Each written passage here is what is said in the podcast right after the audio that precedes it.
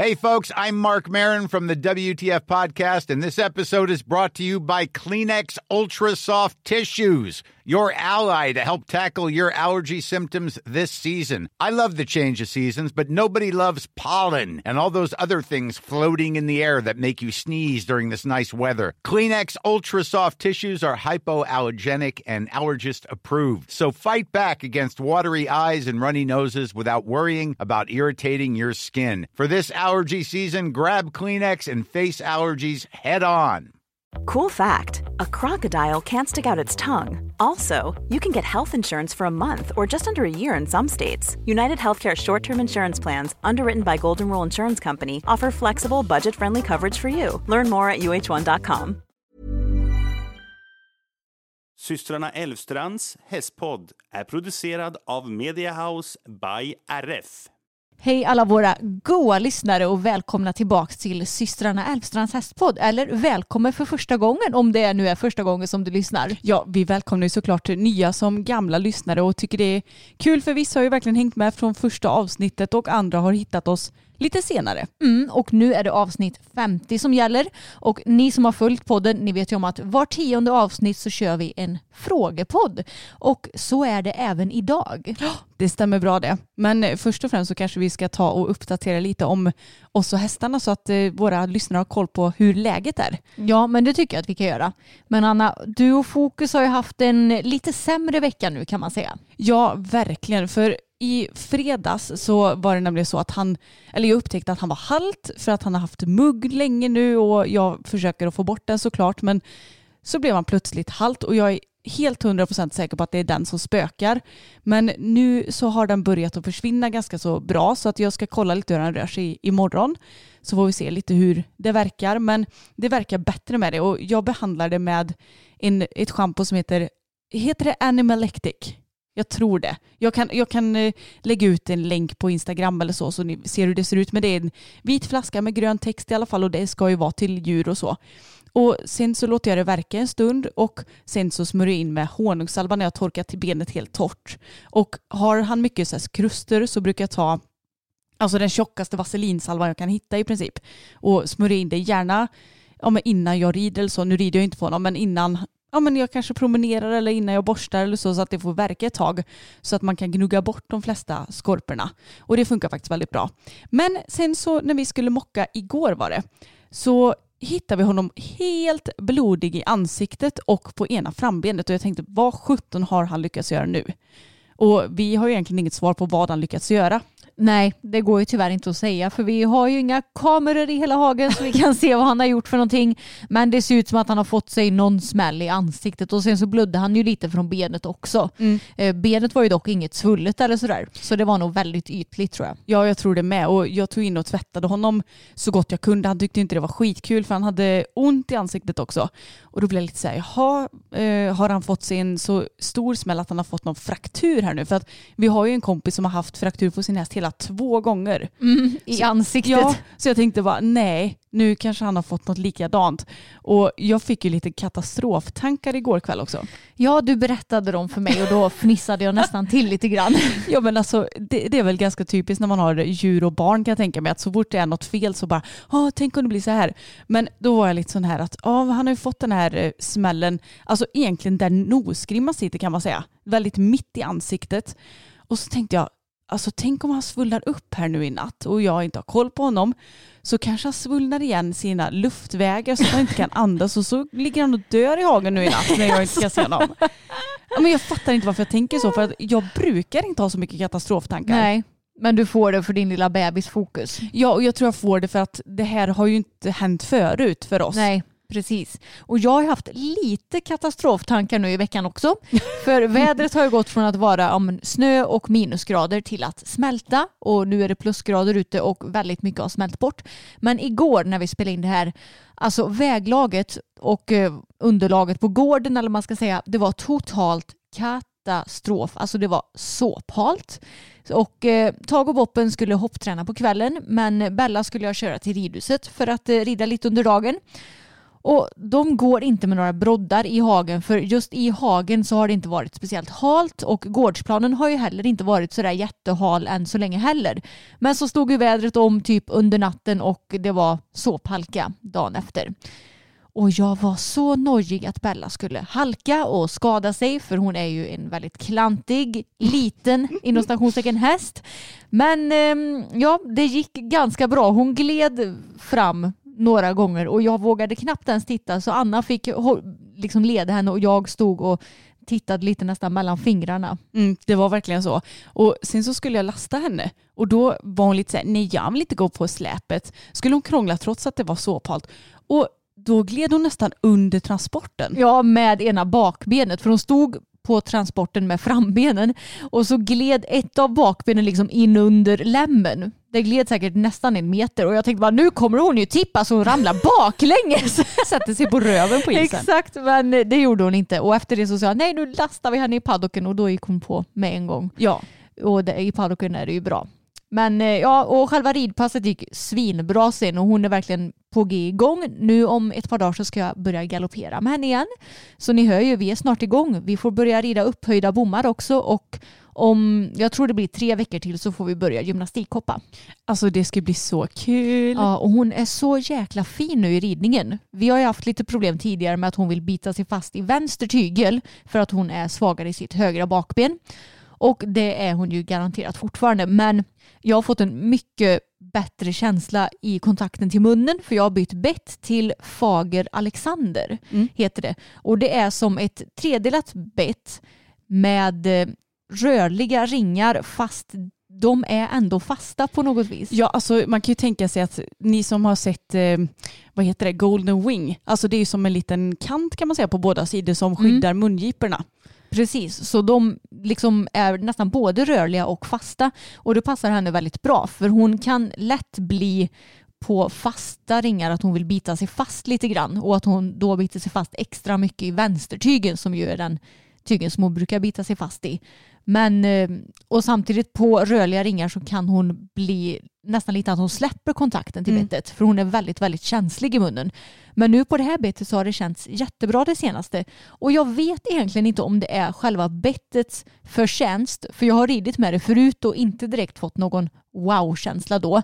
Men jag tror att hon är en sån häst som jag behöver byta bett på mycket. Mm, jag tror faktiskt det också, att hon inte får vänja sig för länge. Ja, vissa hästar är nog sådana att de verkligen behöver jättemycket variation och sådana är ju inte våra andra hästar. Typ Tag och Boppen har ju gått på vanliga tredelade bett hela deras liv känns det som. Ja, i alla fall så länge vi har haft dem och fokus varierar inte heller så mycket på. Men det är mest för att jag hittade ett bett som funkar bra nu och då känner jag varför krångla egentligen? Ja, precis, men det håller jag med om. Jag tror att du får eh, helt enkelt lära dig vad din häst trivs bäst med. Och eh, jag tror att vi har hittat det till Bella nu. För jag har några olika bett som jag rider på. Jag hoppar ju alltid på samma bett. Och det är ju ett bett som har fasta ringar. Mm. Och då i hoppningen vill jag ju snarare att hon ska inom stationstecken bita sig fast lite mer. Just eftersom hon är så himla känslig i munnen annars. När jag hoppar vill jag ha lite sug till bettet och eh, att jag ska kunna ta en halvvalt utan att hon lyssnar för mycket på den. Ja, precis. Men i dressyren vill jag ändå ha henne lite mer känslig så då gör det inget om hon är lite mjukare i munnen. Mm. Och det har känts asbra på det här bettet senaste. Hon känns så jäkla mjuk och fin åt sidorna och bra form och bra takt och kontakt och allting. Så det känns väldigt lovande nu när jag ska börja galoppera och snart även hoppa igen. Ja men så himla roligt och vi har ju hopptränat också med gamlingarna, gjorde vi igår och alltså Tage är så fräsch. Ja. Det märktes att han hade saknat att hoppa för jag kommer inte ens ihåg när jag hoppade sist. Nej det var ett bra tag sedan som du hoppade hoppade seriöst sist. Det var väl på förra träningen som du var med på honom? Ja jag tror det och det var veckan innan jul va? Mm. Typ 18 december. Ja det är en över månad en månad. Mm. Ja det är ju helt sjukt. Men det märktes att han tyckte det var så kul och han var väldigt ambitiös och jag mesade ingenting. Nej, det var, det var första träningen. Annars har du varit någon mes på de andra träningarna. ja, och Sten sa det. Han är väldigt fin och fräsch tyckte han. Och ja. Det är roligt att Sten säger det för att Alltså jag fattar ju själv att Tage är inte någon häst som, alltså han är ju inte någon riktig stjärna i de stora klasserna och kanske Nej. inte har världens spektakuläraste hopp men Ja men han tog i den här träningen ordentligt. Mm. Ja, han var jättefin. Och boppen hade jag det lite kämpigare med. Jag kände när jag satte upp att han var inte riktigt i sin bästa dagsform. Och det var väldigt kluriga övningar, väldigt korta avstånd och liksom, det var ju i princip gymnastikhoppning och eh, nästan vad ska man säga, dressyrhoppning. Ja hela men lite träningen. så. Ja. För vi skulle rida i öppna på medellinjen och sen vända in på två olika linjer där det var studs och väldigt kort avstånd i bommarna. Och Boppen är ju 24 år i år och han har inte samma smidighet i kroppen och han är inte lika ihop i kroppen som han var när han var yngre. Och därför blir ju de här övningarna också jobbigare för honom att göra nu. Så jag valde faktiskt att avsluta träningen lite tidigare. Men eh, jag var jättenöjd med honom. I slutet kändes det ändå väldigt bra. Mm, ja men jag tyckte ni gjorde det väldigt bra. Och jag vill bara tillägga att det är inte så att jag tror att Fokus har något eh, benbrott i ansiktet. Det var mest att jag blev lite nojig för det. Ja. Men eh, jag tror inte att det är någon fara utan de kan ju bli svullna och sår ändå. Det vet man ju själv om man drämmer i sig hårt och får ett sår att det gör ju skitont. Mm, verkligen. Men eh, ni ska såklart bli uppdaterade om hur det går med Fokus framöver. Oh ja. Men innan vi drar igång med frågorna måste jag bara prata lite om eh, hur jag har jobbat Bella på marken nu det senaste Mm. också. Och jag har jobbat mycket sideways med henne. Alltså att hon ska flytta sig i skänkelvikning när jag står på marken. Och vi har även gjort det över en bom, alltså att du lägger en bom på marken och sen så ska hon gå över bommen åt sidan så att hon har bakbenen bakom bommen och frambenen framför bommen och sen gå åt sidan. Och att hon varken ska backa över bommen eller gå över bommen. Och det är ett väldigt bra bevis på att du har hästen rakriktad i själva skänkelvikningen. Och första gången jag skulle göra det här så gick det inte jättebra direkt. Hon, eh, alltså Bella hon är ju en ganska dominant häst och hon vill ju prova och se om hon kan komma undan. Och så är hon ju också en extremt mönsterbaserad häst. Alltså har hon gjort fel en gång, nu säger jag gjort fel, men har hon liksom kommit på att hon kan göra på ett visst sätt en gång, då fortsätter hon med det. Och samma har hon gjort rätt en gång, då vet hon precis hur hon ska göra och då fortsätter hon med det också. Jag tror att andra hästar kanske oftast behöver ett par tillgångar på sig innan de kan fästa så här tydliga mönster som hon gör. Och det är ju verkligen på gott och ont kan man säga. Men eh, när jag hade fått tränat på det första gången då, då ville det ju sig inte utan hon ville antingen backa över bommen eller gå över bommen eller inte gå över bommen alls. Och då fick jag verkligen tänka, okej Emma, hur ska jag göra med min kropp nu för att hon ska flytta sig åt sidan? Och när jag tänker när jag står på marken att jag ska rida som i en skänkelvikning eller i en öppna när jag sitter till hästen, då gick det också mycket bättre att flytta henne ifrån marken. Ja, alltså tankeverksamheten som vi själva har är ju så himla viktig och ibland så kommer man på sig själv ja men verkligen hur viktig den faktiskt är och det här var väl ett sånt moment för det kan jag tänka mig. Ja, exakt. Och eh, nu när jag har gjort det de andra gångerna så har ju det gått mycket, mycket bättre. Just för att jag vet hur jag ska kontrollera både min kropp och min eh, hjärna, eller vad man ska säga. Och då har hon förstått mycket bättre. Och när hon förstår skänkelvikningarna bättre ifrån marken, då går de ju också svinbra uppe på ryggen. Ja alltså ni gjorde ju fantastiska skänkelvikningar sist. Ja, men hon känns verkligen superbra i dem. Så det är också bara ett tecken på att ifall du vill förbättra din ridning eller om det är någonting som din häst har svårt för i ridningen så kan vi ju varmt rekommendera att faktiskt ta hjälp av en tränare som är duktig på horsemanship. För sitter det på marken så kommer det också sitta mycket bättre i ridningen.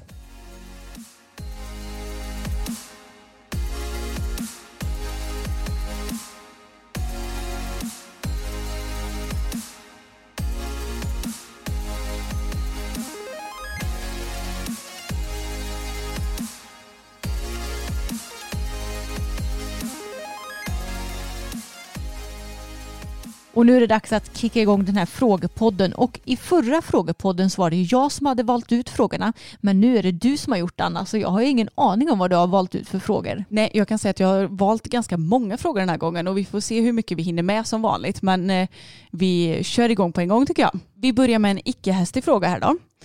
Har ni åkt ambulans, fått narkos och eh, opererats någon gång och för vad i så fall? Mm, jag har åkt ambulans en gång och det var när Abbe hade kastat av mig så att jag låg helt avtuppad och hade fått en ordentlig hjärnskakning. Mm, Abbe är ju vår häst som vi fick ta bort. Precis, och jag minns ju inte så himla mycket av det här. Men eh, ja, de var ju såklart rädda att det skulle ha blivit något allvarligare fel på hjärnan. Typ någon hjärnblödning eller något liknande. Eller en jättegrov hjärnskakning så de kanske hade fått göra någon åtgärd på det. Men jag fick bara stanna kvar på sjukhuset för observation. Ja, och du, de var ju rädda för att du skulle ha skadat nacke och rygg och så också. Ja just det Mm. och även inre blödningar tror jag. Mm. Men det gick bra även om jag fick en riktigt ordentlig hjärnskakning. Jo tack, det var inte så kul att stå bredvid Nej. kan jag säga. Annars tror jag inte att jag har åkt ambulans någon gång och jag har ju inte fått narkos någon gång. Och den enda operationen jag har gjort det var ju när jag opererade bort eh, cellförändringarna och tumören. Och jag har inte åkt ambulans. Jag eh, har däremot åkt eh, taxi in till sjukhuset för att, eh, ja okej jag åkte inte taxi när jag skulle opereras men det var när jag hade brutit foten. Men jag bröt min fot för, vad blir det i år nu? Är det Åtta år sedan åtta år. sedan? Ja jösses vad tiden går. Jag bröt min fot när vi var på Göteborg Horse Show och var ute och dansade. Jag tror jag pratat om det här va? Ja, det har vi Mm. gjort. Men då fick jag ju narkos i alla fall. Och alltså, själva narkosen i sig var ju ingen fara när det väl skedde. Men fy fan rent ut sagt vad rädd jag var innan. Mm. Jag storgrät och narkossköterskan bara du kan vara lugn det är ingen fara. Och jag bara "Åh." 20 år gammal och med sig mamma och lipar för att man ska bli sövd liksom. Ja. Men det gick faktiskt jättebra. Mm. Så att eh, jag tror inte att jag kände mig så rädd för om det skulle ske igen faktiskt. Så folk borde inte oroa sig för narkos alltså? Nej jag tycker inte det. Nej. Jag tog med en fråga som jag faktiskt tycker är väldigt viktig också och eh, som kanske kan vara lite ja, men, tabubelagd att prata om när det kommer till hästfolk. Rengör ni era hästars kön och hur gör ni då? Och då tänker den här personen framförallt på vallackar då. Mm, precis. För det som många kanske inte vet det är att vallacker kan ju förutom att få de här mindre trevliga beläggningarna på sina snoppar så kan de ju också få snoppstenar eller penisstenar. Ja men precis. Och eh, alltså de får ju smuts på snopparna, de fäller ju ut och in den och de kan ju inte rengöra den själva så de måste ju ta hand om dem. Och alltså om de här beläggningarna på själva snoppen sitter lite löst så kan jag bara ta händerna och pilla på det eller pilla bort det. Och jag brukar alltid ta på mig plasthandskar för att ja det känns mest hygieniskt och det är nog bra för jag har hört någonstans att hästens sekret kan vara lite cancerogent om man tar mycket i det. Mm, precis. Jag, ja, sen, jag har inte läst artiklar om det själv men det är ändå bra att ha skydd på sig. Och om det sitter hårt så brukar jag bara ta lite barnolja eller någonting annat som gör att det löser upp sig lite enklare. Och många hästar tycker inte det är skittrevligt när man håller på och pillar på deras snoppar. Nej, Till exempel Fokus sparkar mig. fokus han säger stopp min snopp. Japp, stopp Mm. min kropp. Eh, det, så att man får ju kanske vara lite försiktig och går det absolut inte då får man ju kanske åka in till veterinären och se till så att hästen blir lite sederad. Mm. Eller att en veterinär kommer ut. Och sen de här penisstenarna då. Då får man ju ta toppen på snoppen och vad ska man säga, alltså tänker en polokrag att man får eh, rulla ner den lite. Förstår man vad, vad jag menar Ja, då? jag tror det. Mm. För det, det är nämligen så, man ser ju urinröret på hästen och sen innanför det, eller runt omkring urinröret kan man säga, där sitter de här penisstenarna om den har något sånt. Mm. Och plockar man inte bort de här så kan ju hästen få problem med att kissa och de kan få väldigt ont och det kan ju bli inflammationer och grejer. Så att det är jätteviktigt att hålla koll på sina hästars snoppar. Mm, jag har hört att hästar till och med kan bli halta av penisstenar. Jaha, är det Mm. sant? Så det är väldigt viktigt att hålla koll på hästarnas eh, kön och hålla rent även där. Mm. Och på Bellas eh, snippa så håller vi bara koll. Alltså det är ju Ja. mycket enklare egentligen. Ja det är det ju. Torka rent om det behövs. Liksom. Exakt. Tycker ni att man ska ha svart utrustning helt och hållet om man har svart, eh, ja men typ läderutrustning på häst och brun om man har brunt eller tycker ni att man kan blanda? Nej, jag tycker man kan blanda. Mm. Alltså det här är väldigt kul för att förr i tiden ska tilläggas att jag och Emma var väldigt så här har man brunt ska man ha brunt och det ska vara exakt brun nyans och ja, sådär. Mm. Och vi skaffade ju svarta sadlar bara för att det var enkelt att matcha läderutrustningen. Ja, exakt. Men numera så är det så här, skitsamma. Ja. Boppen har ju bruna grejer förutom sadeljorden som är svart. Ja. Men ärligt talat, vem fan bryr sig? Ja, och precis. Och dessutom så är de färgerna så pass lika varandra så jag har inte ens tänkt på att han har olika färger på sadeljorden och sadeln om jag ska vara ärlig. Nej, och det är klart att det kanske är skillnad om man har så här tobaccofärgat läder. Mm. Då syns det ju väldigt tydligt. Men jag känner lite att det är inte hela världen. Nej, Även om det kanske är snyggast att ha 100% samma läderfärg så tycker inte jag att det spelar så stor roll. nej, vi är inte så pass ytliga att vi tycker det i alla fall. inte numera i alla fall. nej, inte numera. Nu är vi ju väldigt chill när det kommer till det mesta. Hade ni ridit mindre varierat om ni hade haft ett ridhus på gården? Nej, Nej. Det hade vi inte gjort. Men däremot hade det varit skönt för som det ser ut nu idag till exempel när det är vinter så vet vi aldrig riktigt hur vädret kommer vara och om det är snöstorm eller blåser väldigt mycket eller är dåligt underlag. Det är klart att då hade det varit trevligt att ha ett ridhus att rida i istället för att behöva ta massa extra till att åka iväg och rida i ett ridhus. Exakt. Så det hade ju verkligen varit en stor dröm att ha ett ridhus här på gården. Ja, och dessutom hade det blivit mycket enklare för oss också när vi ska spela in videos eftersom det ofta blåser här på Slätta. Inte lätt att spela in videos när det är hur mycket sånt i bakgrunden som helst. Nej, men en fun fact är ju att nu har vi ju faktiskt inte ridit ut på, är det typ en och en halv vecka nu eller? Ja, För att eh, väglaget har varit så himla dåligt så vi vågar helt enkelt inte. nej. Och jag tror fasen att det är första vintern som det är så här. Ja, jag tror det med. Annars har vi kunnat rida ut ja, men hela vintrarna. För jag menar förr i tiden då var det ju mer fruset och mer snö. Mm. Och nu de senaste åren så har det ju typ varit plusgrader och nästan ingen is överhuvudtaget känns det som. Nej, så vi har kunnat rida på som vanligt. Men jag tänker att det är inte hela världen heller om vi inte kommer kunna rida ut så mycket en liten period av våra, Nej, våra liv. exakt. Här kommer två stycken mensfrågor. Mm. Den första är när fick ni eran mens? Eh, alltså det roliga är att jag och Anna fick vår mens nästan samtidigt. Jag är ju ett år och åtta månader äldre än Anna. Och jag fick nog min mens kanske någon eller ett par månader innan dig. Mm. Ja, hur gammal var du då? Ja, hur gammal var jag? Jag måste ha varit 13 tror jag. Eller? Ja, jag tror att jag fick min mens precis i slutet av femte klass. Ja. Om jag inte minns ja, och jag fick min i sjuan ja. Mm. Precis. Jag tror det. Och jag tror att det var lite så här för mig att i början så fick jag liksom inte rejäl mens utan det var lite så här småblödningar i början, mest ont i magen och inte så mycket så. Så att det kom väl igång desto mer när jag började sexan. Mm. Om jag inte minns helt fel. Min var nog igång redan från början. Blod-Emma. Men alltså jag minns att jag tyckte det var så jävla pinsamt att få sin mens så tidigt. Ja. För att det var ju väldigt, väldigt, väldigt tidigt att få mens i femman när jag var ung. Jo, men det var det ju. Ja, men jag tror det fortfarande är ganska ungt. Jo, Du men var det ju går bara ju... 11 år. Ja, men det går ju alltid ner i åldrarna så jag tror, jag tror ju säkert att det är vanligare idag. Det kan det säkert vara. För Mm. jag tror att ja, men när jag fick min mens så var det nog ganska standard att ha fått mensen då i sjuan typ. Mm. Och jag minns också att jag tyckte det var så svårt att berätta för mamma att jag hade fått mens. Och jag fattar inte varför, för idag har jag inga problem att prata med mamma om precis vad som helst. Nej. Och pappa heller för den delen. Men då tyckte jag nog att det var lite jobbigare. Ja. Så att jag vet, vet att det var ju ett väldigt bra sätt att bevisa det på. Jag, jag lämnade ett par blodiga trosor i tvätten. Så fick mamma komma och fråga mig om jag hade fått mens och jag bara ja. Gud!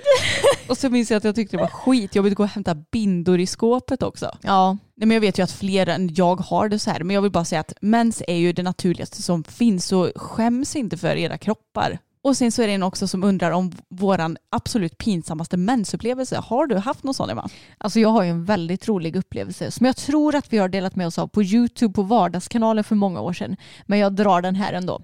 Det var ju nämligen så att eh, vi skulle åka till Falsterbo och det var samma år som du hade brutit foten. Ja just det. Så du var ju li- nästan eh, lite halt. Du hade ju precis slutat gå på kryckor vill jag minnas. Ja så jag gick ju inte jättefort och jag var, alltså jag kunde inte gå helt helt jämnt eller vad man ska säga. Nej, precis. Och vi hade hyrt ett hus i Skanör med några kompisar. Men problemet var ju att den tanten som vi hyrde huset av, hon hade liksom eh, missvisat oss när det kom till avståndet till både stranden och till showen. Ja, Så man kan säga att hon kryddade lite med avståndet och säga att det är inte alls långt men det var fasen långt. ja, alltså det var verkligen så långt som det bara kunde gå att komma till någon av stränderna kan man ju säga. Och då första dagen så skulle vi gå till stranden för att bada. Vi tänkte att vi går för det är ju så nära, det har ju hon sagt. Men det tog ju för det första svinlång tid att ens gå dit. Anna går där med sin haltande fot. Och eh, jag, jag skulle ha, egentligen ha mens den veckan. Men jag tänker att ja, men jag äter, går ju på p-piller så jag hoppar över kartan så att jag inte får någon mens. Men problemet är att Emma Elfstrands kropp den funkar inte som alla andra kroppar. För jag kan inte hoppa över p-piller kartor, eller jag kan liksom inte börja äta på nästa karta igen. Utan jag måste ha det här uppehållet och få mens. Det som händer annars, det är det här. Vi gick och var nästan framme vid stranden och jag hade på mig en vit, såklart, bikini och en gul klänning. Och sen när vi har typ så här, kanske 200 meter kvar så känner jag hur det kommer blod och forsar ur min fiffi bokstavligt talat. Och eh, då går jag och två kompisar lite före dig och några andra kompisar. Och jag tar upp min eh, klänning för att se hur det ser ut. Och blodet har alltså runnit igenom trosorna ner på mina lår. Och det här är då inom en tidsrad av typ 10-20 sekunder. Oh, det är helt Så sjukt. ni förstår ju att det var en riktig jävla flod. Vi springer till stranden och som tur var så var det inte så mycket folk på stranden. Så jag springer fram till vattnet och tar av mig min klänning och sen så springer jag i vattnet så att jag kan liksom tvätta rent mig själv. Och jag tror inte att det var någon utomstående som såg mina blodiga trosor och blodiga lår. Ja, och jag vet bara att jag blev arg som ett bi för att ni sa ju inte varför ni gick före. Nej. Och eh, alltså det förstår ju, ni kan ju inte bara vända er om och bara Emma har fått mens. Eller ja, det hade ni kunnat säga men ja. Eh, och så eh, när ni sprang iväg så blev jag bara typ ännu surare och tänkte vilken dålig respekt de har mot mig som inte Mm. kan gå så fort. Och sen så när jag väl kommer fram och så, så säger väl Sillan, vår kompis, Emma har fått mens så det är därför hon är i vattnet. Då får jag gå ut och bada och byta trosor med dig. Mm, för du hade svarta trosor på dig. Japp. Och som tur var så var ju det den här floden, den gick ju över. Mm. Och sen fick jag inte mens igen på typ ett antal timmar. Ja, nej det var en smula jobbigt kan man säga. Och efter det så lärde jag mig att jag ska inte försöka mig på att hoppa över någon mens för det funkar inte på min kropp utan jag får helt enkelt bita i det sura äpplet och ha mens regelbundet. Men då vet jag åtminstone vilka dagar det kommer på. Exakt, då behöver det inte komma som en jobbig överraskning. Nej, precis. Och vi löste det ju faktiskt ganska bra. Jag fick ha, alltså ha en massa menstrosor på mig. Men, Vad gör man inte för sin syster? Ja, men eftersom det var så färskt så fick vi nog bort allt blod. Ja. Det var Och, nog bara lite blodpartiklar kvar. ja, och jag kan känna lite att vad fan det är bara lite blod. exakt. Men jag tror ärligt talat inte jag har någon pinsam mensupplevelse. Nej, inte vad jag kan komma på heller. Nej, det är ju lite tråkigt för att jag tycker att man ska ha minst en per livsperiod tänkte jag Ja, säga. för har du blött igenom någon gång som du kan minnas? Nej, alltså det är väl kanske därför jag inte har någon rolig, för jag har inte så jäkla mycket mens. Nej, inte som mig. Nej. Jag har ju alltid haft mycket mer mens och mycket mer problem med min mens. Eller man Mm. ska säga. Men en sak för övrigt när det kommer till mens, det är att hur fasen kommer det sig att varje gång som du får en oväntad blödning, eller blöder igenom eller vad tusan det kan vara, så har du på dig vita underkläder. Ja, det kan jag skriva under på. Mm, alltså, det har hänt så många gånger när jag har tränat på gymmet till exempel och har på mig vita trosor och bara oj nu känns det som att det rinner till där nere. och, och så är det ju oftast inget folk när vi är på gymmet och tränar. Så får man ställa sig i ett hörn och lyfta ut byxorna och trosorna och så ser man att det är helt jävla rött i trosorna och mensen har liksom runnit igenom så att de har runnit ner på leggingsen också. Våra dyra fina leggings. Så att eh, ja, jag kan säga att det är tur att vi inte har haft vita leggings på oss. Ja, nej gud, det hade jag aldrig kunnat Nej, träna utan jag har, det har runnit igenom när jag har haft på mig vinröda eller rosa. Och det har ju varit precis vid Fiffi-området så, så länge jag inte hade vresat upp det för någon så hade nog ingen sett det som tur är. Det- man ska inte ha på sig vitt alltså. Nej, man ska ju inte det. Att man aldrig lär sig. Och just på grund av det här så har jag alltid med mig tamponger vart jag än går. Mm, men det är ju faktiskt smart, Mm. för man vet aldrig. Nej, jag har alltid med mig tamponger i gymväskan. Jag har alltid med mig tamponger typ i bilen när man är på tävling även om jag vet om att jag inte ska ha mens. För alltså jag vågar inte chansa. När vi ändå är inne på lite kroppar och sånt där så är det en som har skrivit Ni verkar så himla trygga. Hur har ni kommit till att acceptera er kropp precis som den är? Alltså, jag vet inte om jag har något facit på hur det är att acceptera sin kropp. För att jag tror att jag själv kan vara lite så här att ibland så tänker jag att ja men det här är min kropp, det är den jag har att jobba med. Eh, jag bryr mig inte om hur den ser ut, jag är bara glad att den ändå fungerar så pass bra som den gör trots att jag ändå har artros i höftleden och sådär. Men vissa dagar så har jag dåliga dagar också där man går och kanske klämmer sig lite på magen och tänker att "Åh, jag borde gå ner i vikt. Och, alltså ni vet, man, vi har ju också hjärnspöken precis som alla andra. Men jag tror att i grund och botten att jag är väldigt trygg med min kropp. Men jag vet inte hur jag kommit dit faktiskt. Men jag tror också det handlar mycket om självkänsla. Mm. Att om du har en stark självkänsla så förstår du att din kropp är liksom inte du. Nej, Utan du är ju din personlighet och eh, att du är en bra människa. Det har ju inget, ingen korrelation med hur du ser ut liksom. nej men det är ju inte så. Alltså, din, din kropp det är ju inte ditt värde. Nej. Och det spelar ju egentligen absolut ingen roll hur fasen du än ser ut. För du är lika mycket värd ändå. Och jag tycker det är väldigt viktigt att trycka på. Och vad fasen, vi är vackra på våra egna sätt. Mm, och sen så tror jag också att det har hjälpt mig en del. Ja, men nu när vi har tränat det senaste så har ju vi tränat för att bli bättre ryttare till Mm. exempel. Och jag tycker det är lite skönt att se kroppen lite mer som ett redskap. Ja, verkligen. Där sa du något bra. För det känner jag också att det är ändå ett redskap. Det är inte någonting som jag ska visa upp i ett skåp. Nej, Det, precis. det vet jag ju att det finns ju väldigt många olika tävlingar som jag tycker är Ja, alltså förlåt, helt sjuka som Mm. bikini fitness och sånt där man liksom ska eh, ja, men visa upp sin kropp när den ser ut på ett visst sätt och Mm. få pris efter det. Och det tycker jag är helt banalt faktiskt, Mm. om jag får säga mitt. Men eh, vi har ju våra kroppar för att vi ska kunna rida och de behöver inte vara någon jävla prispokal. Nej, exakt. Så jag vet inte om vi har ett bra svar på den här frågan faktiskt. Nej, jag tror att det har kommit med åldern och att vi har slutat bry oss lite grann. Mm. Och jag menar, varken du eller jag har ju några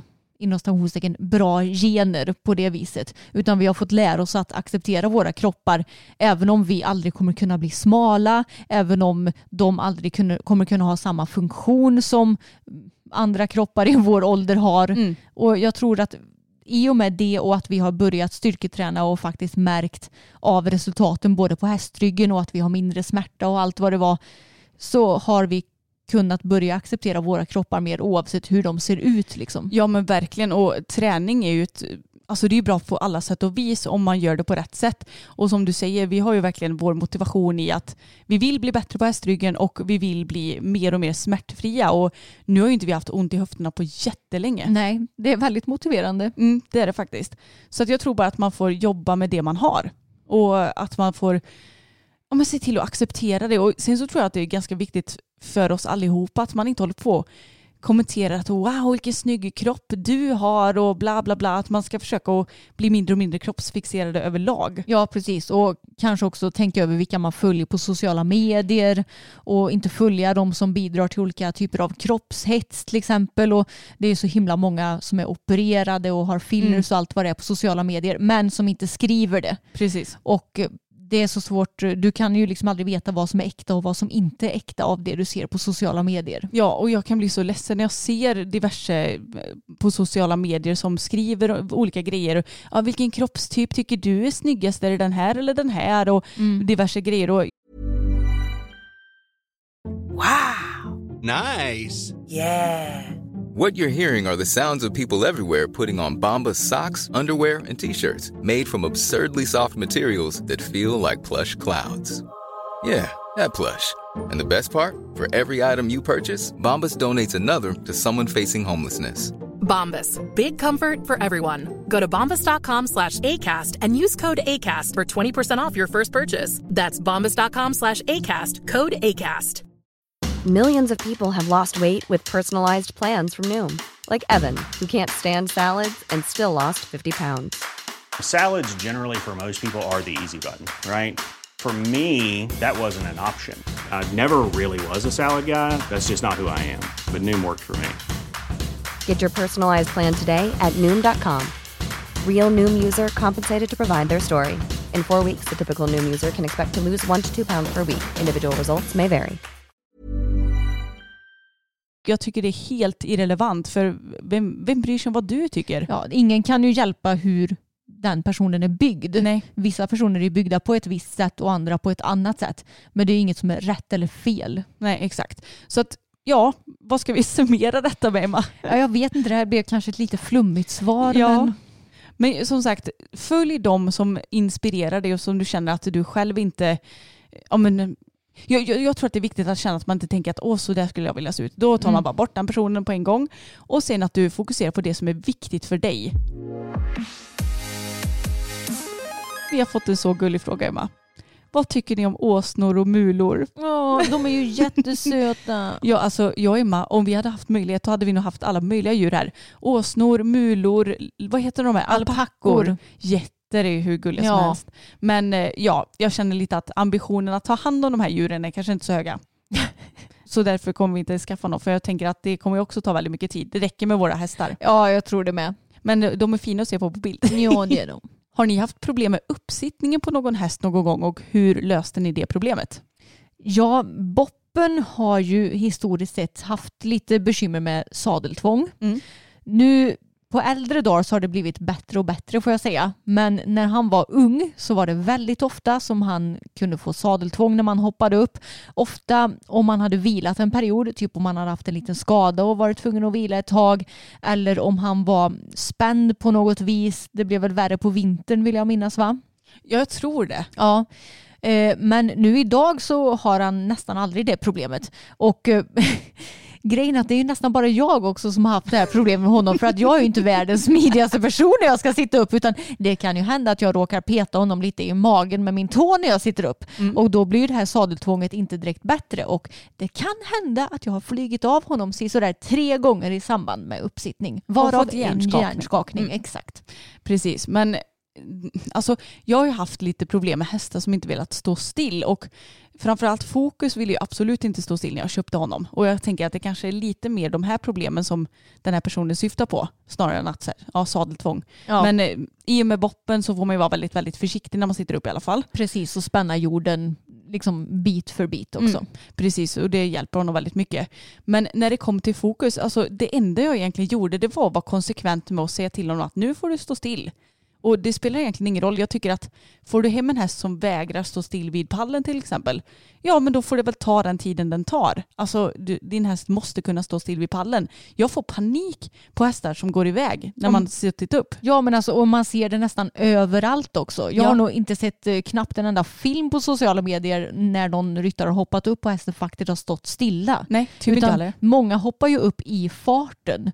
Och ja, gud, alltså för mig som är så osmidig också, jag får ju panik bara jag tänker på det. Hästarna måste stå still när jag hoppar upp. Ja, och det är väldigt respektlöst alltså, av hästen att inte stå still. Och det är klart att den står inte still för människan ser inte till med att jag ska stå still. Nej, exakt. Och jag tror att, eller jag vet om att vi får ju många frågor. Hur har ni tränat för att hästarna ska stå still? Och det är liksom ingen raketforskning utan det är att be hästen att stå still och så ska den stå still tills du har sagt åt den att gå framåt. Ja, och sen så kanske man kan behöva vänja hästen lite vid pall, alltså olika pallar och sånt. Och att man kliver upp och kliver av och eh, sitter upp från båda sidor och allt sånt där. Men jag tror bara tålamod, tålamod, tålamod. Att be din häst att stå still är Ja. det absolut bästa receptet. Och går hästen ett steg framåt, då ska den gå ett steg bakåt. Precis. Parera upp vad den än gör. Exakt. Och om hästen då, säg att den står still vid pallen och sen att du sitter upp men att den kanske går iväg när du sätter dig i sadeln. Hur, eh, gör, du- hur gör du då? då? Ja, men då gör jag också så att jag stannar, backar, slappnar av ordentligt och tar ett djupt andetag så att jag ber den att stå stilla. Och när den har stått stilla i, det behöver inte vara så länge, men några sekunder i alla fall, ber den lätt, med lätt skänkel att gå framåt, berömmer mycket då. Så att det inte också blir att man berömmer och hästen tar det som en framåthjälp. För det vet jag att många gör också. Ja, precis. Nej, så det är inte svårare än så. Inte för oss i alla fall har det varit. Nej, precis. Och nu säger inte jag att det funkar på alla hästar, men det har funkat bra för oss i alla fall. Ja, och våra hästar de står ju väldigt still nu när vi hoppar upp. Ja, det, det enda är att Tage kan smyga iväg lite, men jag orkar inte lära en gammal hund att sitta. Nej, och det är ingen katastrof. Han tar typ ett steg framåt när man har satt sig ner i sadeln. Ett snigelsteg Mm, ska tilläggas. exakt. Men både Bella, Fokus och Boppen står ju blickstilla när man hoppar upp på dem. Mm. Hur tänker ni kring framtiden om ni kan slash vill skaffa barn? Kommer ni ta ut mammaledighet eller hur blir det med YouTube och allt jobb och hästar och sånt? Jag har ingen aning. alltså jag orkar inte tänka för mycket på framtiden utan jag vill leva i nuet och sen får man väl se lite hur det blir då. Men jag har väldigt svårt för att se mig själv gå liksom helt på mammaledighet. Ja, nej det tror inte jag att vi kommer kunna Nej, göra. det kommer, det kommer inte gå. Nej, men jag känner lite så här att vi har ju pratat lite om det här du och jag Emma, att det här med att skaffa barn, alltså det känns som ett väldigt eh, läskigt steg att ta. För vi är ju så himla vana vid att vara våra egna personer, att man ska behöva viga sin tid åt en annan individ och eh, ja men jag vet inte, det är ju ett väldigt stort steg att ta naturligtvis.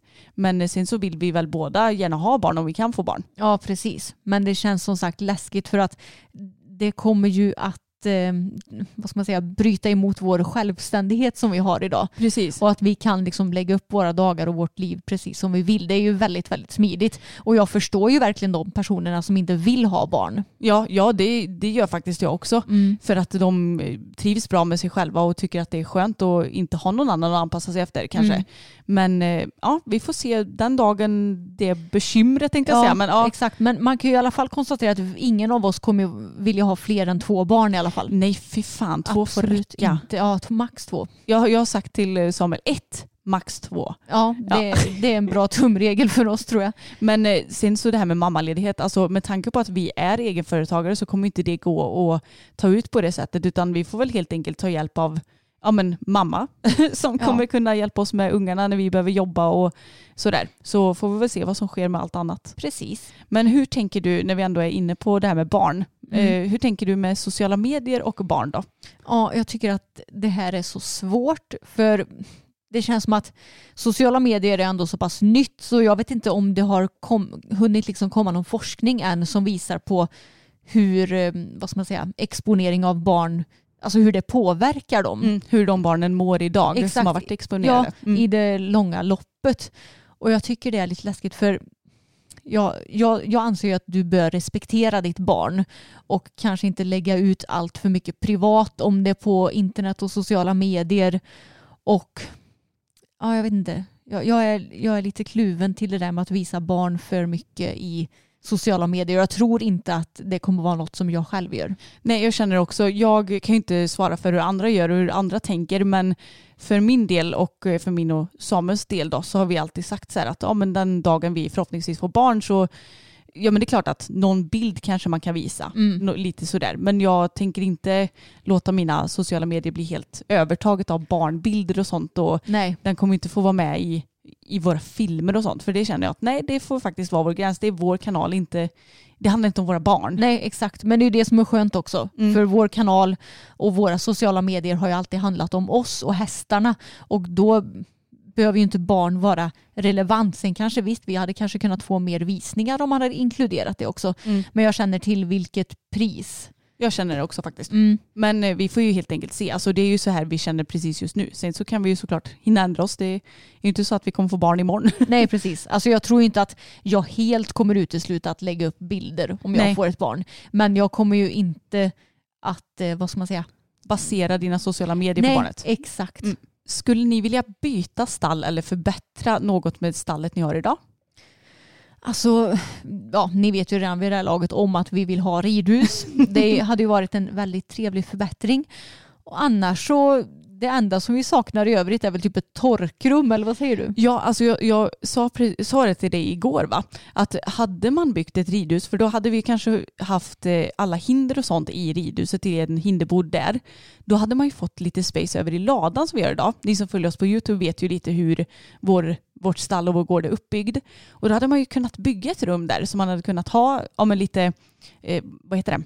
Eh, Torkrum? Ja men torkrum, men jag menar vad fan heter det? Men snälla någon, hyllor, herregud. Hur kan man tappa ett sånt ord? eh, som man kan ha på väggarna och också hänga upp sådana här täckeshängare så man kan ha ett torkrum slash täckesförvaringsrum. Mm. Det hade varit guld. Ja, speciellt i de här tiderna för våra tecken är så blöta nu alltså. Ja men de blir ju det när det regnar och snöblandat och skit. Så ja, det är väl egentligen det vi saknar Ja. väl. Torkrum och ridhus, då hade den här gården fått 10 av 10. Verkligen. Har ni någon gång tagit lån för att köpa häst? Nej, det har vi inte gjort. Och eh, anledningen till det, det är ju för att vi har dels haft snälla föräldrar som hjälpte till att köpa både Tage och Boppen innan vi själva kunde tjäna pengar. Och när du köpte Fokus så var ju han väldigt billig så att du och jag kunde ju köpa honom tillsammans med våra pengar även om vi inte var speciellt rika då om man säger så. Nej, vi var inga rika troll direkt. Nej, inte direkt. Och sen när jag köpte Bella så kunde jag köpa henne tillsammans med pappa också. Så vi äger hälften av Bella. Mm. Så vi har aldrig behövt ta något lån skönt nog. Nej, och våra föräldrar har alltid, alltså vi har alltid växt upp med den, eh, vad säger man, mentaliteten. Mentaliteten. Att du tar inte lån på saker som, som ändå är icke-nödvändiga, eller vad ska man säga? Ja precis, det är Alltså- väl skillnad på ett hus och en Precis. häst till exempel. Och det kanske, man kanske kan ta billån också om det är så att man inte har råd att punga ut massa pengar för det. Men, men så här, häst, soffa, ja Mm. nej, ta Nej. inte lån på det. Vilken är er favoritmat? Alltså jag är ju en sucker för Pizza! Ja, det var väl ingen skräll kanske. Nej. Men jag tycker det här är så svårt för att jag avgudar ju mat. Mer än något annat i hela livet. Ja, typ. det är väldigt gott. Ja, men jag är så här, hade jag fått välja mellan att bara äta typ godis och fika eller bara mat, då hade jag ju valt bara mat. Ja, jag älskar ju godis väldigt mycket men sen vet jag ju också att min kropp hade inte pallat med att bara äta godis och fika. Nej, såklart. Men jag tänker om vi bortser från att kroppen eh, ja, inte pallar något annat. Ja, då hade jag valt godis Ja, och fika. Mhm. Men eh, jag älskar verkligen mat så att jag älskar ju också pizza. Men sen så tycker jag det är väldigt gott med typ en eh, asgod hamburgare. Inte McDonalds då. Nej, men på någon annan god restaurang. Ja, eller hemgjord tycker jag också är väldigt gott. Ja, jag tycker alltid att burgare går på restaurang av någon anledning. Ja, men jag kan göra riktigt bra burgare faktiskt. Fast Ja. ingen vegetarisk sådan. Nej, jag är inte så bra på vegoburgare så det kan nog vara det som är problemet Mm. också. Och sen så gillar jag ju tacos fast jag skulle ändå inte klassa det som min favoritmat. Men nej, jag, jag har nog ingen favoriträtt ärligt talat. Nej, Det är ju jäkligt gott med typ mos, köttbullar och gräddsås. jag tänkte precis säga det att om jag, jag hade lätt kunnat överleva på bara potatismos också. Alltså det är så jäkla gött och jag är fasen bäst på att göra potatismos. Ja men det är så gott. Mm, jag Åh. vet. Och jag gjorde ju jord, nej, jo, jordärtskockspuré Mm. på nyår. Det var också fruktansvärt gott. Men, ja, men jag vet inte, måste jag välja en rätt så kanske det får bli burgaren då. Ja, och jag väljer pizza. På tal om mat Emma, har du några tips på vad man ska göra ifall man är på väg att falla in i en ätstörning? Du som ändå har erfarenheter av det själv. Um, alltså det som jag kommer på så här på rak arm det är att direkt sluta jämföra dig med andra och som vi nämnde förut, sluta följa personer som kan vara triggande på sociala medier. Kanske ta en paus helt och hållet från sociala medier. Förutom från de kontona som du absolut liksom vet inte kommer bidra till någon kropphets. Um, ehm, vad kan det vara mer? Ja, men prata med någon person, kanske en psykolog eller vad det nu må vara som kan ge dig professionell hjälp kring det hela. För ju tidigare du kan vad ska man säga, motverka det desto större chans är ju att du inte kommer för djupt ner i en ätstörning eller vad man ska säga. Ja, det är precis det jag tänker också. Jag tror att det är väldigt viktigt att bara nämna det kanske för dina föräldrar om du känner att du kan lita tillräckligt mycket på dem. Och då kan ju de i sin tur hjälpa dig att hitta rätt när det kommer till ja, men någon ätstörningsklinik eller vad det nu än finns. Ja, och eh, kasta bort badrumsvågen och eh, även måttband kanske Mm. om du har det hemma så att du liksom inte håller på och eh, väger dig till exempel och räknar resultat på din kropp för det är ju också väldigt triggande. Så ja, det är väl egentligen mina bästa tips tror jag. Mm. Och eh, sen så tror jag det är viktigt att umgås med personer som inte heller eh, på något vis kan trigga. Nu kanske man inte umgås så mycket just nu men du förstår vad jag menar. Mm. För det finns ju ändå folk som kan dra ner en i skiten och vissa är väldigt bra på att höja en och, Exakt. och vara en stöttande kompis. Ja men umgås med folk som har en sund inställning till mat och träning helt enkelt. Ja, verkligen. Om ni skulle få leva som en känd ryttare en dag, vilken ryttare hade ni valt då? Då får vi förutsätta att kunskaperna sitter i också, precis som den här ryttaren har. Ja precis, det får man ju verkligen hoppas på. Men, men Peder, vad har hänt? Du vågar inte hoppa högre än en meter. Men herregud vad svårt att komma på. Alltså Peder är ju skitduktig men jag skulle efter att ha sett dokumentären om honom jag skulle aldrig vilja leva som honom. Ja men kanske snarare i så fall då Lisen. För hon är ju, nu är ju inte ryttare hennes vad ska man säga, främsta sysselsättning numera. Men eh, det, hon jobbar ju ändå mycket med liksom entreprenörskap och sådär och det tycker ju både du och jag är intressant. Mm. Men om man ska ta någon lite mer renodlad ryttare just nu då? Alltså, jag tror att jag hade valt Karl Hedin faktiskt. Mm. För jag hade gärna suttit på Lukas. Hade du det? Hade du suttit kvar? Ah, nej, det vet jag inte, men jag Mm. tänker med, med Karls eh, skill så hade jag kanske gjort det. Jo, precis. Jag, jag följer ju inte Karl, men jag klickar mig in ibland och Mm. tycker att Lukas ser så himla härlig ut. Ja, det är han. Mm. Ja, det var ett bra val får jag säga. Mm. Det hade jag också kunnat tänka mig. Men, eh, ja, men Måste du välja något annat nu bara för det? Eller? Ja, jag måste väl det. Finns det någon internationell ryttare som man kan komma på kanske? Jag vet inte, men kanske mm, Charlotte Jardin eller Carl Hester då? Ja, ja, så vi får Mm. se deras fina gård. Precis, bo på deras gård. Ja, det där var ju ett självklart val Ja, egentligen. men om du tar Karl så tar jag Charlotte då. Så får vi åka på dit samtidigt.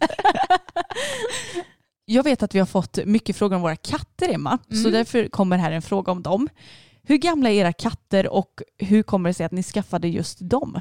Ja, om vi börjar med min kisse Siri då, så vet vi faktiskt inte exakt hur gammal hon är, utan jag fick ju med henne när vi köpte gården. Vi köpte henne för 40 kronor, Ja. för man ska ju aldrig få ett djur gratis.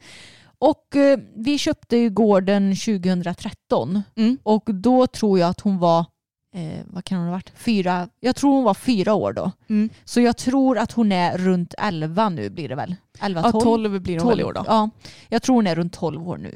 Och Så, jag tänker ja. alltid att hon är typ fem. Jag vet, jag tänker det med. Men hon är nästan börjar bli en liten tant. Ja. Ja. Men hon är väldigt söt, Ja. väldigt snäll, lite rädd för män. För hon, jag tror att de köpte henne från någon katthem. Ja, hon va? kommer ursprungligen från något sorts katthem vet jag. Mm. Så hon har nog kanske inte varit med om det allra bästa i sin ungdom. Men nu är hon ju jättesnäll och söt även om hon är lite ängslig när det kommer till vissa grejer. Ja, och hon är jätterädd för dammsugaren. Ja. Men hon är söt. Och jag och Samuel vi köpte två stycken katter, eh, kattungar. Så här i efterhand så känner jag att ja, vi hade absolut kunnat adoptera istället. Men eh, när vi köpte dem så var jag inte så insatt i det här med katthem och sånt om jag ska vara helt ärlig. Eh, men eh, vi köpte ett syskonpar som heter Bosse och Iris. Och jag vet knappt själv vad det är för sorts katter om jag ska vara helt ärlig. Bondkatter säger man väl. Eh, och Bosse har vi kvar. Han är nu, fyller han fem i år? ja. Men gud, han börjar ju också bli gammal nästan. eh, han fyller fem i år och det är ju Iris också då obviously. Men eh, Iris valde för, är det ett par år sedan nu, Mm. att eh, flytta till en eh, typ granne till oss. För hon eh, ville inte vara kvar. Hon och Bosse, det, jag vet inte vad som hände. Det skar sig mellan dem. Det, jag bara hörde hur Iris bara åt Bosse hela tiden. Och Ja. vi försökte med sådana här eh, feromoner heter det va? Mm. som man kan sätta så här i uttagen i huset men det, det var ingenting som hjälpte. Så hon valde helt enkelt en annan familj som hon nu bor hos och eh, ja, de har ju faktiskt inte betalt något för henne. Nej. Men eh, de vet att de får ha henne och de bara det är perfekt vi har ändå tänkt att skaffa katt så Mm. vi tar henne gärna. Och de fick världens mysigaste tjej. Ja alltså Iris, jag har aldrig varit med om en katt med den personligheten. Nej. Alltså hon har fan personlighet för fem katter. Ja, hon är så jävla härlig. Jag saknar henne. Ja, jag saknar henne jättemycket också såklart. En riktig diva som gärna, så fort man la sig i soffan så kom hon och slängde sig på bröstet, la Mm. sig som en halsduk. Eh, Hon drog sin lilla, lilla mun mot en själv så det var inte så fräscht alltid. eh, och alltså jamade högst av alla. Och varje gång hon ville komma in så hoppade hon upp på vid våran altandörr som vi gör som är i köket. Då hoppade hon upp på det här lilla, alltså vad säger man? Det är ju typ som en plåtgrej Ja. som är vid fönstret. Och så satt hon där och så jamade hon tills man öppnade. Men eh, kvar har vi då lilla Bosse. Han har ju kanske personlighet för en halv katt ungefär om man jämför med Iris. ja, det är sant. Men han är väldigt, alltså han är en ganska blyg katt. Mm. Han eh, gör inte så jättemycket väsen mer Nej. än när han vill gå ut när jag ligger och sover. eh, och han är väldigt fluffig, väldigt, väldigt söt. Får väldigt lätt tover. Åh, han har ju en så jobbig päls. Det är någonting som jag inte visste innan jag köpte katt. Att de tydligen kan ha råkat korsa två stycken kattraser som inte bör korsas. Och det är Mm. väl det som är problemet med bondkatter också. Så därför får han extremt lätt tover och vi får klippa honom med en köksax. Mm, ja, det, är, det är ju enorm skillnad på Bosse och Siris päls. Gud ja. Båda två är långhåriga men Siris päls det är som att hon konstant har sprayat i spraybalsam i Mm. sin päls. Så det är väldigt stor skillnad. Men Bosse är verkligen underbar och väldigt snäll. Vill helst inte ligga på en. Det gjorde ju både Iris Mm. och eh, Siri gör ju det. Men eh, jag älskar den lilla korven. Ja, han är jättesöt Ja. också. Tror ni att en del är avundsjuka på er för er framgång? Typ som Emmas gamla mobbare, ryttare på er gamla ridskola eller så. Folk som har känt oss genom livet. Alltså jag funderar rent spontant på, vet, eh, vet folk om att vi är inom stationstecken kända? Ja, för som vi har pratat, eller som vi pratat om mycket tidigare så känns det typ inte som att vi är kända eftersom att vi ju typ inte är kända i vår lilla hemort. Nej. Utan det är mer när vi åker ut på diverse events och tävlingar och sånt som folk faktiskt känner igen oss. Så Mm. att jag vet faktiskt inte. Jag, det är en väldigt svår fråga att svara på tycker jag. Ja, jag tror kanske inte att alla icke-hästiga vet om vad vi liksom jobbar med idag. Men däremot så vet jag ju om att eh, om vissa bekanta som vi känner inom ridsporten kan ju ibland snacka lite skit om oss till vissa av våra kompisar. Ja, Och det är inte så smart för det får ju vi höra av våra kompisar eller andra bekanta sen. precis. Då har vi ju liksom hört att eh, en del gamla bekanta som vi säkert inte sett på flera år har typ eh, ja, stört sig på oss på några olika sätt och det, jag vet inte om det är avundsjuka eller om det sticker i ögonen på dem eller vad fan det Eller än må dålig vara. självkänsla. Ja, men eh, det är, det är skitsamma. Ja. Vi bryr oss inte. Nej. Och det är inte så att vi har snackat skit om dem liksom, utan Nej. det är eh, de som har pratat ja, vad ska man säga, illa om oss till personer som vi känner. Precis, envägs eh, skitsnack det där. Mm, ja men exakt och det kan ju vi ge som tips till er som lyssnar att det är inte det smartaste att göra för personerna kommer antagligen att få reda på det. Precis. Men ja, vi vet vilka som har snackat skit om oss ifall det är någon som lyssnar på det här avsnittet som vi är lite bekanta med sedan tidigare. Ja, så nu vill vi bara säga hej till... Nej jag skojar. De bara holy shit. Exakt. Ja. Nej men eh, ifall de gör det så tycker jag mestadels i så fall att det bara är lite kul. Ja och ärligt talat det får ju stå för dem. Alltså Mm. varför ska vi lägga någon energi på om de snackar skit om oss? Det är så här, eh, ja säg vad du vill men vi vet ju vad vi står för och vad vi sysslar med. Ja men jag tycker också det är lite, vad ska man säga, konstigt att snacka skit bara för, för att vi har valt att jobba med en viss grej. Precis. Det är inte så att vi snackar skit om någon som, hon har börjat jobba som läkare, vem tror hon att hon är egentligen? Ja, jag har pluggat så många år, tror hon att hon är världens smartskaft eller? Ja exakt. Nej, det är jättemärkligt. Ja jag men, tycker det med. Ja, ja. Det, det kommer väl alltid vara så att folk snackar skit tyvärr. Ja precis. Men Emma, vet du vad jag har för liten reflektion om det här kring lite avundsjuka eller vad man ska säga från andra när det gäller oss? Nej. Jag tänker som så här att hade du och jag varit, om man säger att vi åtminstone hade ridit på en medelsvår svår nivå, alltså att vi kanske hade tävlat, om man säger minst 1,30 eller Mm. kanske medelsvår A, då tror inte jag att folk hade stört sig så mycket.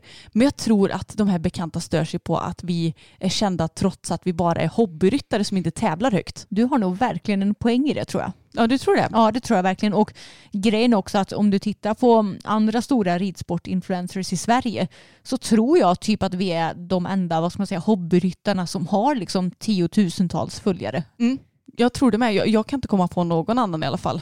Nej, alla andra tävlar väl på en högre nivå. Mm. Medan vi kanske är lite mer kända för att, ja men dels att vi har en del humor och bjuder på oss själva, men också för att vi står för en viss typ av ja men hästhållning och träning och att vi faktiskt vågar yttra våra åsikter om det. Ja. Och det kan ju säkert också kanske sticka mycket i folks ögon att vi vågar säga vad vi tycker. ja, och att vi faktiskt har ganska bestämda åsikter också. Ja exakt, och att vi vågar kritisera de grejerna som vi tycker bör kritiseras inom ridsporten. Mm. Så jag tror att det kan vara en av anledningarna faktiskt. Det tror jag med. Okej, vi får nog nästan ta en sista fråga nu. Mm. Vi har ju massa frågor till, för ni är så duktiga på att ställa frågor och ställa frågor som är intressanta, men eh, vi sparar dem så kanske vi kan ta dem i något kommande avsnitt istället. Mm, eller kanske i någon Q&A på Instagram och vi tar det i story till exempel. Sant, Mm. sant, sant. Vi sparar dem i alla fall. Ja, men vi har fått in en fråga som lyder Hur var det att rida på Friends med Malin Barriard och vara med på tv och dela ut pris? Det sistnämnda gjorde ju du Emma. Mm. Så du får väl ta och svara på det här främst då. Ja, alltså det var ju så jäkla häftigt rent ut sagt.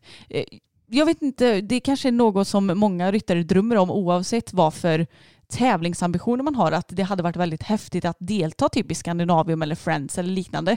Men sen har jag ju inte tänkt att det skulle ske eftersom att ja, men, jag har ju aldrig haft några ambitioner att tävla så högt och inte internationellt och jag har inte varit tillräckligt ung för att vara med i så ungdomsklasser och sånt. Men så bara det här, den här möjligheten föll på mig rent ut sagt. Och för er som inte vet så fick jag delta i stjärnstafetten för att eh, Carolina Gynning blev sjuk var det va? Mm. Så jag fick eh, plötsligt hoppa in 2016. I november var det. Och eh, ja, du var ju skadad så jag fick hoppa in. Ja. Och det var så jäkla häftigt för då skulle vi hoppa en bana. Det var väl 70 centimeter eller någonting. ja, skulle jag tro. Ja, och jag fick en häst som heter Oscar som var dödssnäll verkligen. Och jag och Malin skulle då rida Oscar över samma bana på tid och man skulle göra ett ryttarbyte också. Och jag skulle försöka vara så snabb jag bara kunde, sitta av på fel sida så att Malin snabbt kunde hoppa upp på rätt sida. Fastnar i stigbygeln och eh, typ trillar framför massa människor. Men eh, ja, det är sån jag är. Det är därför som man ska ta ur fötterna ur båda stigbyglarna innan man hoppar av. Ja, men jag försökte det kan jag säga. Jaha, du gjorde det. Mm, men det gick inte så jag tänkte jag får slänga mig av ändå. Vinnarskalle kom faktiskt fram för en gångs skull. Ja, verkligen. Jag trodde att du gjorde den här standard att du ställde dig i den högra stigbyggen och sen att du fastnade. Ja, nej, jag gör det nu för att skona min höft men Mm. eh, då var jag ju tävlingsmänniska så då försökte jag göra det. Alltså direkt när jag hade landat efter sista hindret försökte jag släppa dem men det gick inte. Nej, jaha, du hade fastnat alltså? Ja. Var det för taggiga stigbyglar? Ja, jag tror det. Men eh, nej, det var så jäkla häftigt och jag vet när jag red in efter att ha ridit fram och gått banan och allt sånt där så tittade jag ut över publikhavet och bara wow vad mycket folk. Mm. Och sen tänkte jag direkt bara nej nu får jag inte fokusera på det utan nu, nu ska vi faktiskt prestera här. Och då visade jag runt Oskar alla hinder och sånt och så fort jag fick startsignal så var jag jag var jäkligt inställd på vad jag skulle göra. Mm. Och det är ganska häftigt för att jag menar, jag har ju mycket bättre mentalitet idag än vad jag Mm. hade då. Men det var fortfarande, alltså jag skärpte mig nog för att det var en så pass stor grej ändå. Mm. Även fast det var, ett, en, det var ju en lektävling i själva Ja. programmet men det var ju en stor grej för mig. ja, verkligen. Och du kunde inte ha gjort det bättre. Ja, tack vad gullig du är. Ja. Men det var kul för eh, ja, jag tyckte ändå att jag och Malin gjorde, gjorde ett bra jobb. ja, det gjorde ni verkligen och ni vann ju dessutom. Ja. Men inte med mycket för vara, den som kom tvåa var också snabb vill jag minnas. Ja, Minns inte vem det var dock. inte jag heller. Nej, men eh, ja, du, du kunde definitivt inte ha ridit snabbare i alla fall. Nej. Och eh, bytet blev ju så snabbt som det kunde gå. Jag vet, det var nog bra att du tävlade mot Malin för hon var ju väldigt snabb upp också vet Mm. jag. Det var ju, jag vet att Jens Fredriksson skulle väl rida med Rickard Olsson och Jens kom ju knappt ens upp på hästen för att han eh, var så osmidig. Ja, men alltså jag, jag är så glad att vi fick börja för jag hade ju aldrig kommit upp. Nej jag vet. Malin kan du kasta upp mig tror du? Men hur var det för dig då? För vi fick Mm. ju ändå rida in på banan och dela, alltså vi fick ju ett pris utdelat och då var ju du den som skulle dela ut det här priset. Ja exakt och det roliga är att jag hade liksom inte riktigt förstått informationen om vart jag skulle gå någonstans Mm. efter att eh, du hade ridit och klassen var klar. Så jag typ hade ställt mig på helt fel ställe. Jag bara, "Ha, det kommer ingen här och hämta mig. Eh, så jag fick ju typ gå tillbaks till framridningen och så gick jag ju in på banan tillsammans med dig. Mm. Så jag tror att de var nog lite svettiga. Bara, vart har Emma tagit vägen Nej, men någonstans? gud. Mm, men eh, det löste ju sig bra ändå. Mm. Och sen så var det inga konstigheter att dela ut själva priset men det var lite stressigt innan jag bara, men vad fasen var det inte hit jag skulle gå? Mm. Men ja, det blev ju bra ändå. Ja, men något som är lite roligt, alltså det är ju alltid så här om jag säger att jag skulle tävla en kompis häst, då tillfaller ju priserna den kompisen. Men jag tror att jag vinner prispengar om det nu skulle vara prispengar inblandat. Om jag inte minns helt fel. Men det, det kändes lite som en besvikelse att jag som ändå eh, ryttare, jag förstår att Malin inte bryr sig om priser och sånt. Alltså herregud, det här är ju verkligen en plojgrej som hon säkert bara gjorde för att ja, men H&M sa till henne typ. Men eh, ja, nej, det kändes bara så här, ha, här åker jag hem, har vunnit en klass i Friends och jag får inte med mig någonting hem. Nej. Jag fick med mig en plakett och den eh, ligger nog i mitt prisskåp hemma tror jag. Mm. Men det hade ju varit lite häftigt att ha haft en rosett. Men det Ja. tillfaller ju hästägaren. Ja, precis. Du fick ju i alla fall dina guldskor som du, eh, som du fick på mässan. Mm, det har jag. Jag fick låna ett par skor för jag hade ju inga tävlingskläder. Inga ridkläder överhuvudtaget. Nej, ingenting. Så att jag fick rida i jeans. Det, det, det, ja, då har man tävlat i jeans också. Mm. Det var en upplevelse i sig. Men visst var det väldigt stelt innan när vi typ skulle så här, eh, eh, ja men vi var ju lite i samma lounge som de andra deltagarna och sådär. Ja, det var lite stelt. Mm. Jag vet inte varför, för jag anser inte mig själv vara en stel person, så jag hoppas att det inte var vi som var stela. Nej men det kändes som att vissa av dem var lite dryga typ. ja. Sen så intervjuade ju jag, ehm, nu ska vi se, Roy Fares och Rickard Olsson. Mm. Och de är ju supertrevliga Mm. båda två. Och. Men sen var det lite stelt bland de andra deltagarna vill jag minnas. ja, det kändes lite så. Och Mm. eh, Den enda som typ var glad över att jag vann, det var Anna Bok. Ja. Hon kom fram och klappade mig på handen och var jättegullig. Hon är för övrigt ännu kortare i verkligheten än vad, Vad man, man, kan tror. tro. Ja. Ja, men hon är supersöt tycker jag. Men det kändes som att, eh, ja, jag vet inte om folk var lite tävlingsnerviga eller vad det var. Det För- kan det säkert ha Ja, varit. det var lite stelt. Men eh, en väldigt kul erfarenhet som jag aldrig kommer glömma av i alla fall. Ja, jag kan säga att jag har inte tagit med alla frågor som vi har fått, men eh, ni är så, som sagt sjukt bra på att ställa frågor. Och det är väldigt kul för det kommer hela tiden nytt som vi kan svara på. Oh ja, och ifall ni är nyfikna på fler frågor som vi har svarat på tidigare så är det ju bara att spana in våra tidigare qa avsnitt här i podden. Och ifall ni är nya lyssnare så kan ni också ja, men lyssna ikapp våra gamla avsnitt för där har vi också tagit upp många grejer som kanske inte har kunnat få plats i just det här avsnittet. Nej precis och en del frågor kanske kan bli till ett litet ämne i poddavsnitt också till och med. Ja, men det tycker jag verkligen. Mm. Men tack så mycket för att ni lyssnat på dagens avsnitt och tack för 50 avsnitt hörni. Ja, alltså det är så sjukt. Jag tror att nästa avsnitt så har vi hunnit fira ett år med podden. Ja. Den fyller år den 28 januari. Ja, jag tror det. Mhm. Gud vad sjukt. Ja, jag vet. Men det är så roligt att podda och jag hoppas att vi får, eller får lov, det får vi väl hålla på med hur länge vi vill, men att eh, ni kommer vilja lyssna och att vi kommer ha saker att prata om länge, länge till. Det hoppas jag med. Ha det gött så hörs vi igen nästa vecka. Det gör vi. Hej då!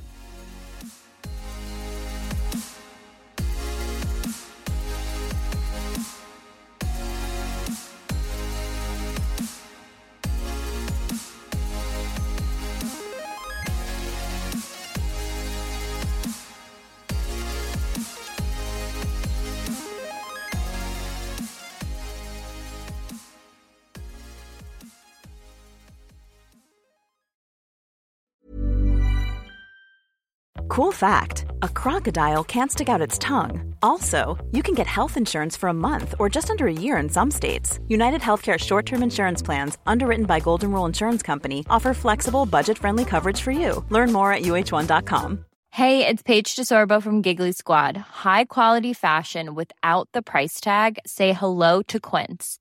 I'm snagging high-end essentials like cozy cashmere sweaters, sleek leather jackets, fine jewelry, and so much more. With Quince being 50 to 80% less than similar brands. And they partner with factories that prioritize safe, ethical, and responsible manufacturing. I love that. Luxury quality within reach. Go to quince.com slash style to get free shipping and 365 day returns on your next order. Quince.com slash style.